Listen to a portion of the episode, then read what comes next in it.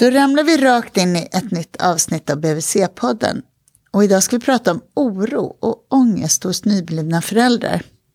Någonting som är oerhört vanligt hos oss människor. Så vanligt så att det kanske är liksom en del av att vara människa. Men som förstås är extra besvärligt när man precis har fått ett litet barn.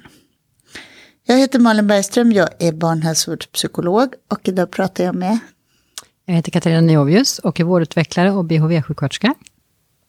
Och jag heter Klara Lindros och jag är BHV-psykolog också. Vad trevligt. Mm. Välkomna. Tack.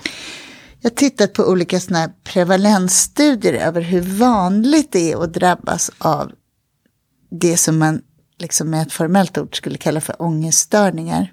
Och då säger man att någonstans mellan 20 procent, en av fem, och en tredjedel av alla människor lider under någon, någon gång under livet av en ångestproblematik. Och det låter mm. så speciellt när man pratar om ångeststörningar, men egentligen så är det kanske stora problemet att vi så sällan har liksom något ord för det, eftersom det finns en skillnad mellan att vi alla är oroliga, för annars skulle vi inte överleva. Mm. För då skulle vi gå rakt ut i gatan liksom, till mm. att det där verkligen börjar bli ett problem. Mm. Men Klara, vad är det som är speciellt när man precis har fått barn med sån här oro? Alltså för det första så är det väl, är det väl så att alla, även om man inte har lidit av eller haft väldigt mycket ångest eller oro innan, så kanske det kommer en ökning här av en liksom naturlig anledning att det är på ett sätt meningen att man ska oroa sig lite mer. För vi har pratat innan om vad som händer när man får barn, att eh, något som vi kallar omvårdnadssystemet kickar igång. Vi ska vara väldigt lyhörda, väldigt öppna för det barnet. Vi ska verkligen höra dess signaler. Alla vet att när ens eget barn skriker så bångar det i huvudet, medan när någon annan skriker så låter det inte så farligt. Så det är ju en del i det här. Liksom att, att vi blir helt enkelt mer reaktiva. Ja, precis, och ska vara det också. Och sen så kan det kanske ta över för mycket och också sitta kvar lite för länge. Jag tycker det finns något så tidsperspektiv i det där. Som är ganska mm. kort efter förlossningen. Jag vet inte hur du tänker kring det. Ja, jo, men så tänker jag väl också. Framförallt när det gäller alltså, första barnet. Det behöver ju inte vara så, men så tänker vi väl nog. Alla tre här, när man jobbar med barn. Att det första barnet, den omställningen är så enormt stor. Man håller det där lilla sköra livet. Och får insikten om att det är jag som ska beskydda det. Det kan inte hålla huvudet. Det, alltså allting är så skört. Och plötsligt ska jag sova själv, det ska sitta den där konstiga babysitten i bilen. Och alltså det är väldigt många situationer där man liksom, som är nya i början. Och sen så lägger sig väl det efter några veckor sådär, mm. tänker jag. Jag brukar tänka Någorlunda. tre månader som någon slags sån där gräns av när man ska börja när man ska börja liksom landa någonstans mm. känslomässigt. Vad tänker du mm. Katarina? Ja, men det är väl lite grann, det är kanske är där man har lite grann lärt känna sitt barn och man har hittat sitt föräldraskap. Någorlunda i alla fall, någonstans i tre månader. Så, och har barnet haft eh, problem med att skrika mycket, kolik som vi ibland säger, så är det oftast det också klingat av där och då händer det någonting. Att det blir lugnare. Alltihopa lugnar liksom ner sig och man hittar sin kan inte prata om rutiner kanske, men många brukar ju prata om rutiner själva. Om ni hittar något i föräldern, att man, mm. man känner sig mer trygg med att man kan läsa av och förstå barn. Ja, men absolut. Ja. absolut. Men jag tänker att det är ändå, de första veckorna är otroligt speciella med att då är ju alla lite halvtokiga. Eller liksom, ja. vågar inte, man vågar inte ta bussen och sådana saker. Eller man vågar inte, ja, man liksom spring, ska duscha och sen springer man ändå ut och, och kollar om, även om någon passar. Alltså det är väldigt högt, väldigt hög stressnivå egentligen i kroppen eller arousal som vi säger, eller liksom spänning på något sätt. Och, ja, det är väldigt speciellt. Och som förstås är i barnets tjänst eller i livets tjänst därför att det där mm. gör oss på tårna så att ungarna överlever. vi missar ingenting. Men mm. å andra sidan så klart att det där kan slå över i någonting som blir för mycket för oss. Mm. Men vad, vad tänker du Klara är skillnaden mellan vad är en gynnsam oro och, när pratar vi om ångest då? Alltså jag tänker, i, i, definition så är, är, väl alltså oro, eller om man tänker att man är rädd för någonting, eh, så är det, ska det stå i paritet så att säga med hotet. Och ångest, då tänker vi oss att vi är mycket mer rädda än vad som egentligen finns fog för. Och det är vi förstås i början, samtidigt skulle inte jag alls vilja kalla den där första stressen som ny, nyblivna föräldrar har för ångest förstås, utan att det är ett liksom tillstånd av nyblivet föräldraskap som ska vara. Utan jag tänker mer att när, när det liksom får gå en tid och barnet utvecklas som, som Katarina sa, att man egentligen borde kunna känna sig mer trygg i eh, att man är, kan vara förälder till det här barnet, att man har lite koll på signalerna ändå, lite rutiner kanske, lite känsla av att det här har jag koll på. Om det inte infinner sig, utan att det liksom fortsätter att vara en väldigt mycket orostankar kring eh, det kan vara vad som helst. Gjorde jag fel nu? Eller vad händer nu? Och, och nu verkar den eh, ha jätteont. Man kanske inte slutar att gå upp och kolla om barnet andas på natten. Vilket väl nästan alla gör någon gång i början. Men man fortsätter med det. Och så kan man inte sova för man är så orolig för den där andningen. Och, ja. Att det börjar hindra en i föräldraskapet snarare än att gagna barnet. Det hindrar en att, att komma till det här lite mer tilliten till sig själv. Och som jag tänker på BVC, som vi, på BVC strävar man hela tiden efter det. Eller hur Katarina? Att, Alltså det som vi kallar empowerment, att lyfta föräldrar att känna sig trygga som föräldrar just i sitt barn, lita på, sina, mm. på sin intuition på något sätt och på att man känner sitt eget barn. Ja, det är väl det som är en av våra huvuduppgifter, att lotsa föräldrarna till att känna att de kan, att de kan bemästra situationerna själv och, och ha ett självförtroende i, i det. Eh, och det tar ju lite tid såklart. Hur tycker du det är på BVC med ångest och oro hos föräldrar. Hur, hur möter man det? Ja, oro är ju precis som vi pratade om tidigare. Det är ju så klassiskt när de är ny, precis har fått barn, och oftast första barnet, att de oroar sig för... Det kan vara allt ifrån att bebisens fötter är kalla, eller att barn, de tycker att barnet eh, andas konstigt, är jättevanligt. Att man tycker att de andas oregelbundet, eller att hjärtat slår. En del lyssnar till och med på hjärtat och tycker att det låter, och vill träffa en doktor, för de är oroliga för det. Det är väldigt, och det kan vara det till att man får titta på bilbarnstolarna med på hembesök. Är den här okej? Okay? Hur, hur ska jag tillsätta fast den? Och, och det är verkligen stort och smått. Så ser det verkligen ut i början. Det är ju faktiskt en helt underbar bild av omsorg det du beskriver. Ja. Det är så mm. fint. Mm. Men, men om det där lever kvar? Det fortsätter. Mm. Eh, ja, då är det ju... Då, då är det ju eh, det är ju de här familjerna som fortsätter att oroa sig och, och de ringer mycket och de har frågor fortfarande om saker som man kan känna att det här borde ha landat någonstans.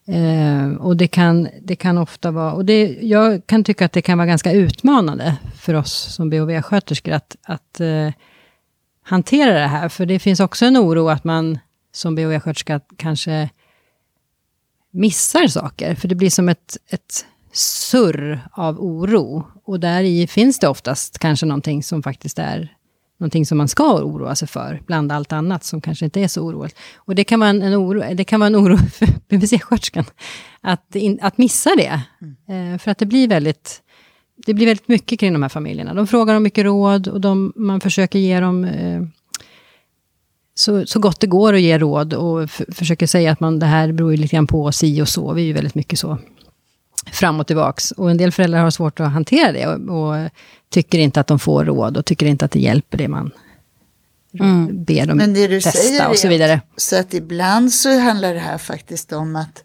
oron kommer sig av att jag känner av att det är någonting som inte är som det ska. Ja men så kan det ju vara. Eller så kommer det av att jag är en väldigt orolig typ mm. eller en orolig förälder. Mm. Och då ska du sortera det där. Ja, och det kan vara ganska svårt ibland. För man, ju, man har ju alltid den där känslan av att just med de här föräldrarna, att man ska missa någonting som faktiskt är eh, någonting som, får jag säga, på riktigt, men om man förstår vad jag menar. Men ja, det, det tycker jag kan vara en jätteutmaning.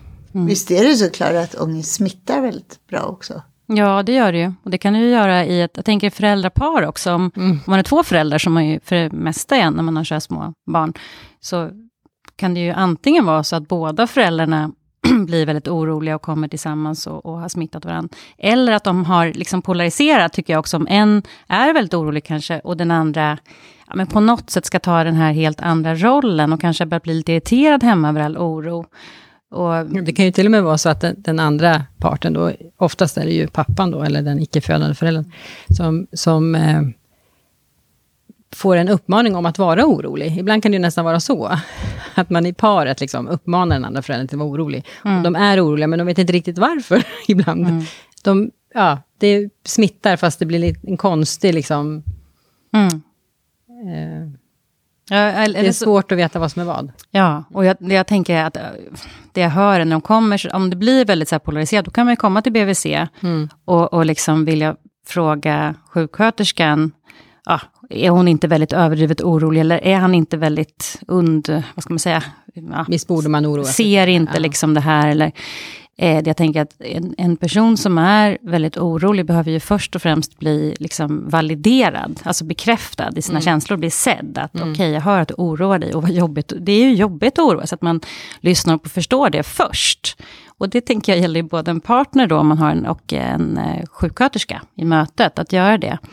Och sen kunna Menar gå in du på det. konkret att sätta ord på och säga jag hör och jag ser att du är väldigt orolig Mm. för det här. Ja, och det är också, bra att du sa det, men jag tänker att det är också bra som sjuksköterska att våga fråga.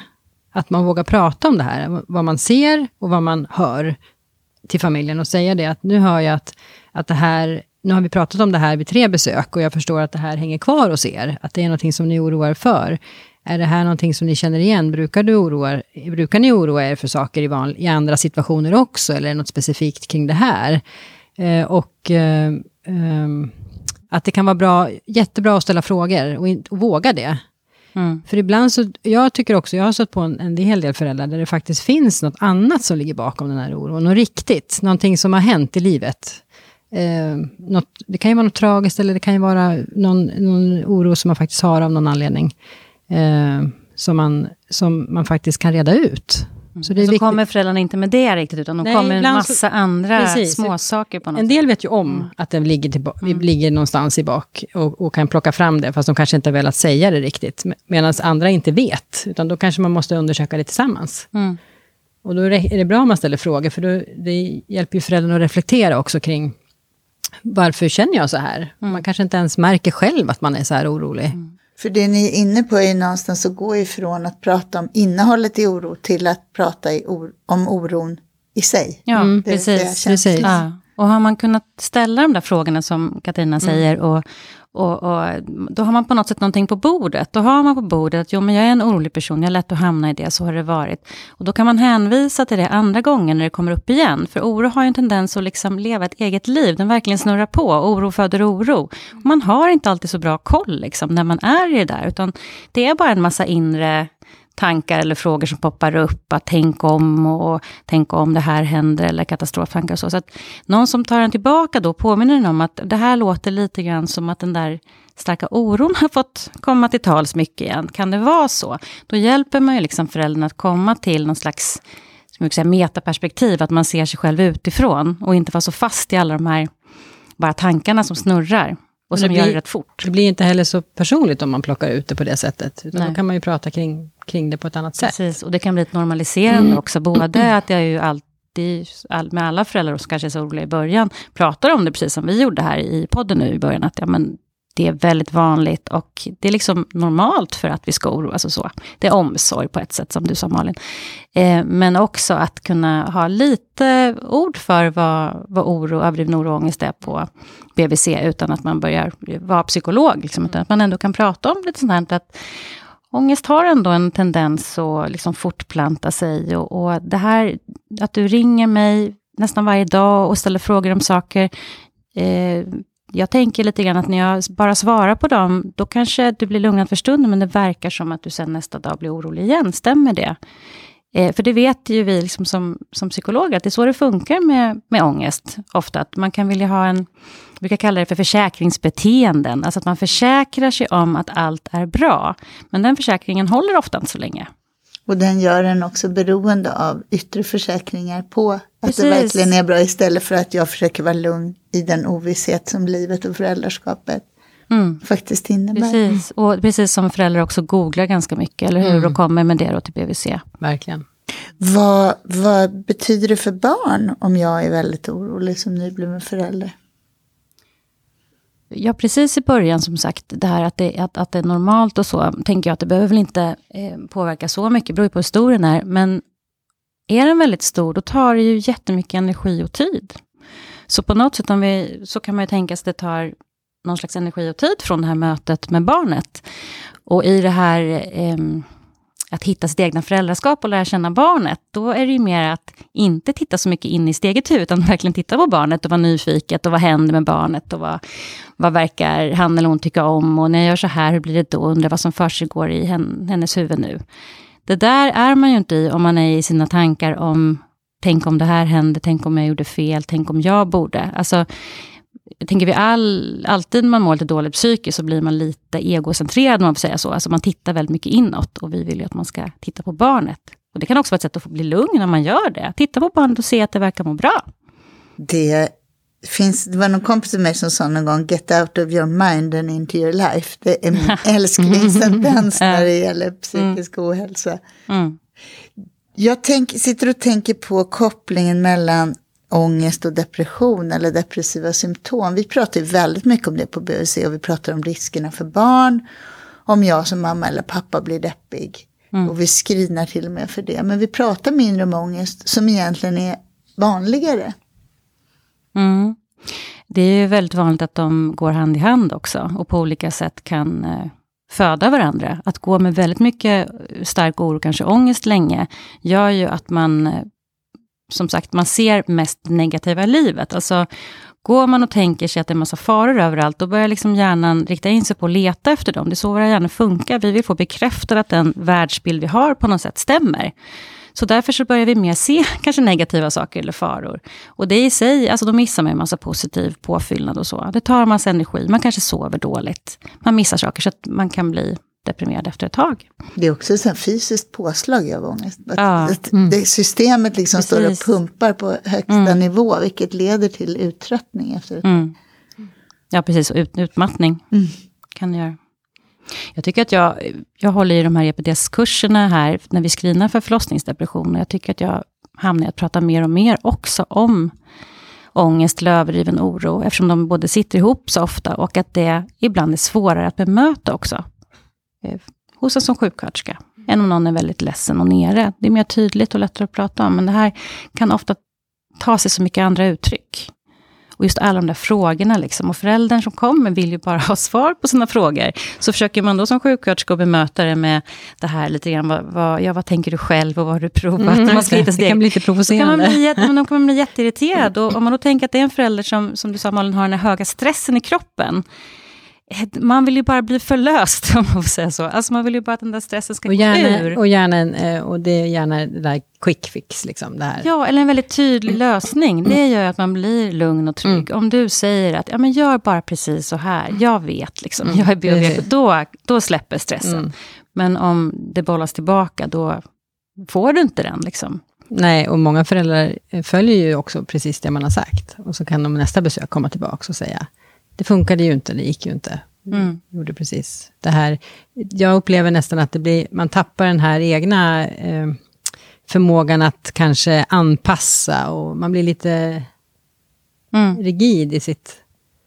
Mm. Det tycker jag, jag man kan uppleva. Lite, lite fyrkantigt ja, sådär, att om man lyssnar för noga och sådär. Ja, så, och, och så kanske man inte använder sin egen mm. förmåga till att anpassa det till sin mm. egen situation eller sin mm. egen, sitt eget barn eller vad det nu är. Hur ska man bemöta det där Katarina? Vad är din erfarenhet? Alltså jag tycker ju att det är... Eh, jag tycker det, eh, om man är ny, att, att man är lite nyfiken på var, var det, varför det är... Det är, ganska, det är ju ganska spännande. Vad det är som kan göra att man blir så orolig för så små saker, som i min värld inte är, är några saker att oroa sig för, men för en del är det enorma stora berg att kliva över. Men jag tycker att, det, att om, man, om man fortsätter vara nyfiken och fråga, och, eh, jag tycker man kommer långt med det. För det finns väl också en risk att man backar lite. Man tänker, åh nu ringer han igen. Eller nu. Ja, just det. Att man tänker, jag, nu, jag säger ingenting om det här, för då kommer vi hålla på och prata om det här i mm. en timme. Det går inte, jag har inte tid med. Nej, men skämt åsido. Nej, men eh, att, man, att man fortsätter att vara nyfiken och fråga. Och, eh, sen så är det väl precis som du sa, Klara, att, att en del föräldrar kan ju känna det som provo provocerande, att man mm. inte får några raka mm. svar. Men, men den här nyfikenheten våra... som du säger, det tänker jag, eh, det är ju ändå svårt att bli provocerad av. Jag tycker det är ett jättefint eh, förhållningssätt, att mm. vara nyfiken på den som sitter framför en och vill jag förstå mer. Vad är det som händer i dig? När du, liksom, vad är det för tankar du har? Och vad är det värsta som kan hända? Kan man alltid mm. fråga och få reda på vad det finns för slags katastroftanke. Och... Ja, och, när, och, kan man prata om det så kan ju föräldrarna ofta själva, nästan, en del kan ju nästan börja småskratta och säga nej men jag vet ju att det här inte är så. Mm. Eh, att man kan mötas i det på något vis. Mm. Det var, det är ju, ja, ibland så bara far det iväg kan de ju säga. Och så blir det så här. Och, Ja. Mm. Då har man, man kommit kan... långt och man mm. kan skratta åt det tillsammans. Ja, men lite. Ja, men vissa föräldrar, de, de här föräldrarna som har den här stora oron, de träffar vi ju väldigt ofta. Det blir ju så per automatik, för att de kommer ofta och man, de ringer ofta, vi har mycket kontakt med dem. Så man kommer dem ju ofta väldigt nära. Så att eh, om man lyckas eh, få till det, liksom, så kan man faktiskt komma dit. Jag tänker på en koppling som ni gör när ni pratar om ångest och oro nu. Och något självförtroende i föräldraskapet som jag inte till hundra procent skulle känna igen eller hålla med om. Jag tänker att jag nog skulle kunna vara en ganska självsäker, eller att jag liksom har någon god självkänsla och litar på något föräldraskap, men att oron kan finnas där ändå. Att den kan vara mer som en del av ens väsen, att det alltid poppar upp eh, ifrågasättanden och rädslor och sådär. Som jag tänker, att det, att det, förstår ni, att det kan vara någonting annat än bara det som handlar om att komma in i föräldraskapet och lära känna barnet och så. Mm. Då låter det för mig som att man kanske är lite mer åt gaddhållet. Jag alltså generaliserat ångestsyndrom betyder det och betyder att man överlag har en tendens att liksom oroa sig för saker. Alltså att man inte bara kollar spisen en gång utan hundra gånger. Och det, förekommer i alla möjliga situationer att man hamnar i den här tänk om, tänk om tanken väldigt mycket.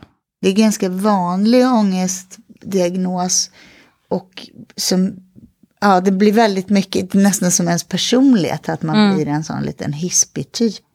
Mm. Liksom. Man brukar prata om, vad heter det, att man har en inre känsla, alltså det ska kännas precis rätt, just right på engelska. Och gör det inte det, känns det inte just right så skaver det lite liksom i en. Och det är ju någonting som man faktiskt, alltså som med mycket KBT-träning, och KBT är ju en väldigt bra metod om man lider av ångest, så är det ju en slags exponering att stå ut med det. Att stå ut med det där skaviga som ju på något sätt ingår i allt föräldraskap, eller hur? Att, in, att liksom stå ut med det som skaver. Att man vill så gärna liksom att det ska vara just right med barnet hela tiden, eller i sitt föräldraskap hela tiden. Och det är det ju inte. Utan det är bara en massa bök och stök fram och tillbaka. Och så en liten mysig stund av just right, ibland. Mm. Olika utmaningar, olika åldrar. Mm. Mm. Och det är där hela tredje vågens KBT kommer in också med sådana mm. tekniker som mindfulness eller acceptans eller så. Mm. Just för att vi kan inte ändra den ångestbetingelsen att världen är skrämmande och oförutsägbar. Mm. Utan det enda vi kan träna oss på är att leva i den och förhålla Precis, till träna oss på att, att stå ut med skavet eller tanken eller liksom om det blir någon slags tvångsmässig liten tanke om något man måste göra. Men, men också träna sig på som sa, alltså, mindfulness, att bara vara en, en stund med barnet. Att fokusera på någonting annat, att rikta blicken någonstans. Det har jag ju liksom jobbat rätt mycket med med småbarnsföräldrar. Eh, att verkligen bara sitta en stund och titta och notera försök att bara notera vad ditt lilla barn gör. Och liksom då upptäcker man barnets kompetens och man kan glädja sig det och så. Och så har man faktiskt fått stänga av den här, den här inre oron ett tag också. Så det blir en massa vinster med en sån liten övning. Mm. Det är ju bra tips. Mm. Man kan använda sig av. Ja, men det jag tänker som är viktigt också som sjuksköterska skulle jag säga på BVC, det är att, alltså att om man vågar prata om, har lyft upp oron, då kan man också kanske prata om om den hindrar en på något sätt. Mm. För på något sätt tänker jag lite som, precis som när vi pratar om, om barn och, som har mycket blyghet eller oro eller ångest, att är det ett problem så är det ju för att det hindrar oss i vardagen. Och det hör man ju mycket. Det har väl du stött på mycket. Föräldrar som hindras. De, ja, men de går inte man, till den här nej. öppna förskolan fast det skulle vara jättebra. Liksom. Man redan, I början är man rädd att barnet ska börja skrika på platser som man inte mm. vet hur man ska hantera. Eftersom man inte heller vet själv hur man mm. riktigt får barnet lugnt alla gånger i början, Nej. så blir det jättestressat om barnet börjar skrika på tunnelbanan eller ja, på någon offentlig plats. Eh, och då undviker man det. En annan variant på det där tycker jag också att det det suddar ens blick därför att man tänker att alla andra har det bättre. Att alla andra Mm. Och alla vet. tittar och på alla- mig. Ja. Att man, att man eh, späder på sina sin egen oro eller liksom lite värdelöshetskänsla av att man tror att andra människor har att det, inte, att det här inte är det normala. Och det är ju också en stor grej av föräldraskapet. Att fatta att det är så här det är och det är så här för alla. Mm. Precis. Och man skulle vilja att det pratas, att man pratar om det när man ses på öppna förskolan eller i föräldragrupper på BVC. Eller. Det kanske man först fattar först när man får sitt barn, andra barn. Någonstans att man... Du Clara, du sa någonting om att vi vet att KBT hjälper bra mot ångest. Vad, är, vad innebär det? Vad är det, man, vad är det som kan hjälpa en som förälder? Alltså det beror ju på vad, för, alltså hur den här ångesten kanske yttrar sig. Det finns ju rätt många varianter. Men säga att någon slags grund handlar väl om att, alltså man brukar prata om exponering, det vill säga att utsätta sig för någonting som man är rädd för och som man kanske då har undvikit. Och poängen med det är ju också att ja, man märker, man får en ny erfarenhet, man märker att det inte var jättefarligt och man märker att man överlevde och att man kanske vann någonting. Alltså att det kom ut något gott av det hela. Så att eh, ta, skapa sig nya erfarenheter och det kan man ju behöva göra i ganska små steg. Ibland kan det vara skönt att bolla det med någon och är det inte, jag menar, den här självinsikten kan man ju komma till själv, man kan liksom läsa på nätet, man kanske kan sitta med sin partner eller om man bollar med sin BV-sjuksköterska, vad är det som är svårt? Ja, Men ta det i små, små steg och testa hur det, hur det blir. På något sätt. Hur ska man som sjuksköterska förhålla sig till det här, de här försäkringsfrågorna som du sa Klara, som du beskrev Katarina, som är så typiska att jag bara, ja men nu är det bara en liten sak och det är någon småsak och så ringer jag om och om igen och behöver din försäkran på att det är okej. Hur ska man förhålla sig som sjuksköterska till det behovet då? Ja, alltså, Nej, jag- förlåt, ja, jag- som skulle svara? Nej, det vet jag inte, men... men Nej, jag tänker fortfarande att... att eh, jag känner mig jättetjatig, men det är att man är nyfiken och frågar vad det är som... Eh, eh, vad det är som eh, kanske egentligen oroar. Så du går bakom det där Ja, uppenbara? och i alla fall om det upprepar sig sådär som du säger. Om man ringer om samma sak hela tiden så, så får man ju... Eh, och sen så får man ju inte helt glömma bort att det kan ju faktiskt vara någonting som Mm. man behöver ta på allvar. Inte för att vi inte tar ångest och oro på allvar, det är inte det jag vill säga. Men, men att, vi, att det är något, någonting som... För föräldrarna känner ju sina barn bäst och vet ju när någonting som inte stämmer. Mm. Men att liksom lite när du säger gå bakom, att då förtydligar du lite vad det handlar om. Det är klart man tar, att ni tar ångest och oro på allvar, men att då ska det vara tydligt att det är det handlar om på något Mm. sätt. Precis. Och att kanske säga att det känns inte som att vi kommer någon vart, utan Nej. det, det är mycket frågor hela tiden. Jag försöker, men jag känner att jag inte kommer någon vart riktigt. Jag tror att jag är på fel spår. Alltså ibland tänker jag också, man kan säga Man på det sättet högt, att, sådär. ja, nu känns det som att jag att vi fastnar lite Mm. och du har många frågor. Jag försöker svara på dem, men det kommer nya och det, jag får en känsla av att det är någonting. Ibland så kan det ju vara bra att låta en kollega träffa barnet. Att, För att man, man, ibland så kan man ju köra fast och känna att man... Vi, nu har vi pratat om det här så många gånger och du känner att jag inte gör ett bra jobb. Eh, när vi kommer tillbaka till det här ämnet igen. Utan då kanske det är bra att be någon kollega träffa familjen och kanske... Det kan också funka. Och prata om det. Vi Då kan det ju vara ett annat, en, en annan infallsvinkel eller någonting som passar familjen bättre.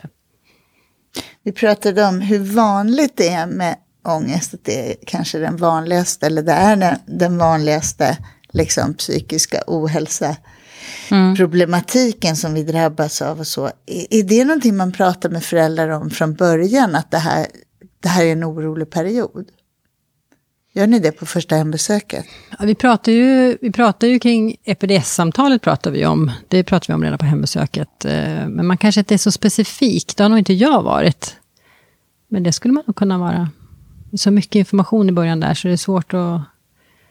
Men någon gång i början där. Jag har nog inte varit så specifik men För vi pratade nu tillsammans om två perioder. Dels det som Klara kallade nästan galenskap. De första två veckorna när man är verkligen på tårna. Och sen de första kanske tre månaderna som också är en period när man är... man pratar ju om det lite grann på föräldragrupperna. Fast de börjar ju lite senare. De Och bör- då är det då- kommer bara mammorna. Ja, och då är ju barnen kanske två månader. Eh, Så då är det ju nästan på väg bort, höll jag på att säga. Så det är lite sent. Så att, eh, ja. Det skulle någon av de första besöken på BVC när man har både pappa och mamma där. Så. Mm, och just prata om det här att det brukar avta, så har man någonting att komma tillbaka till om det inte avtar, utan att det finns kvar. Ja. Kanske det är lättare också att komma tillbaka till det. Nu är det här fortfarande. Liksom. Du tänker när man pratar med familjen att mm. man kan... Sen finns det ju också, alltså man tänker det här med påverkan på barnet, så sa jag att det kanske fram för att man inte blir så närvarande och man missar ju egentligen en massa chanser att lära känna barnet för att den här ja, stressen och ångesten hindrar en. Men om det här sitter i, det finns ju en del sådana familjer som ni träffar på BVC också, det sitter i där man märker att det blir en överoro kring allt barnet gör. Så sen när barnet börjar bli så stort så att det ska börja ta sig an världen lite grann och utforska, då blir det väldigt svårt och utmanande för en förälder som är jätteorolig. Mm. Och då kan ju det faktiskt i förlängningen smitta av sig till barnet. Om man på något sätt signalerar, oj hjälp, akta, nej, nej, sådär. Eh, att eh, barnet får en bild av att världen är lite farligare än vad den är. Och vi vet ju att alltså, ångest, det finns en ganska stark ärftlighet i det. Så att om då barnet i sin tur har ärvt den liksom läggningen och dessutom får det där med mötandet, eller vad man ska säga, eller synen på världen till sig, så är ju risken stor att det fortsätter hos barnet om man blir lite överdrivet ängslig. Det häftiga är ju att väldigt mycket ångest kan man komma åt med mm. behandling som du beskrev för mm. psykologisk behandling. Mm. Att det är faktiskt någonting som vi har ganska goda effekter för. Inte när det gäller generaliserat ångestsyndrom, GAD, mm. därför det är så mycket som ens person. Mm. De har varit så länge. Men det går verkligen att jobba med det också. Ja. Och kanske väldigt mycket lära sig förhållningssätt. Så att det drar ner liksom styrkan i det hela. Men jag tänker bara att man blir medveten om ja. vad det är som triggar mm. igång mm. då, hur, det, hur mönstret mm. är. Mm. Så blir det ju lättare att hantera. Mm. Är det någon sista oroande tanke eller något ångestord som ni vill skicka med på vägen? Nej, vad skulle det vara? Något som jag kommer på sådär. Mer än att ja, men det du sa, Katarina, tycker jag var det bästa idag. Att vara nyfiken ja. och våga fråga. Men ja. fråga vidare, vad ligger bakom? Eh, vad ligger bakom alla de här frågorna och så. Och människor blir ju glada, eller det känns ju bra om någon är verkligen intresserad av en, om man gör det liksom nyfiket och respektfullt. Så tror jag att det, det känns bara bra. Liksom. Mm. Mm. Tack. Tack. Tack.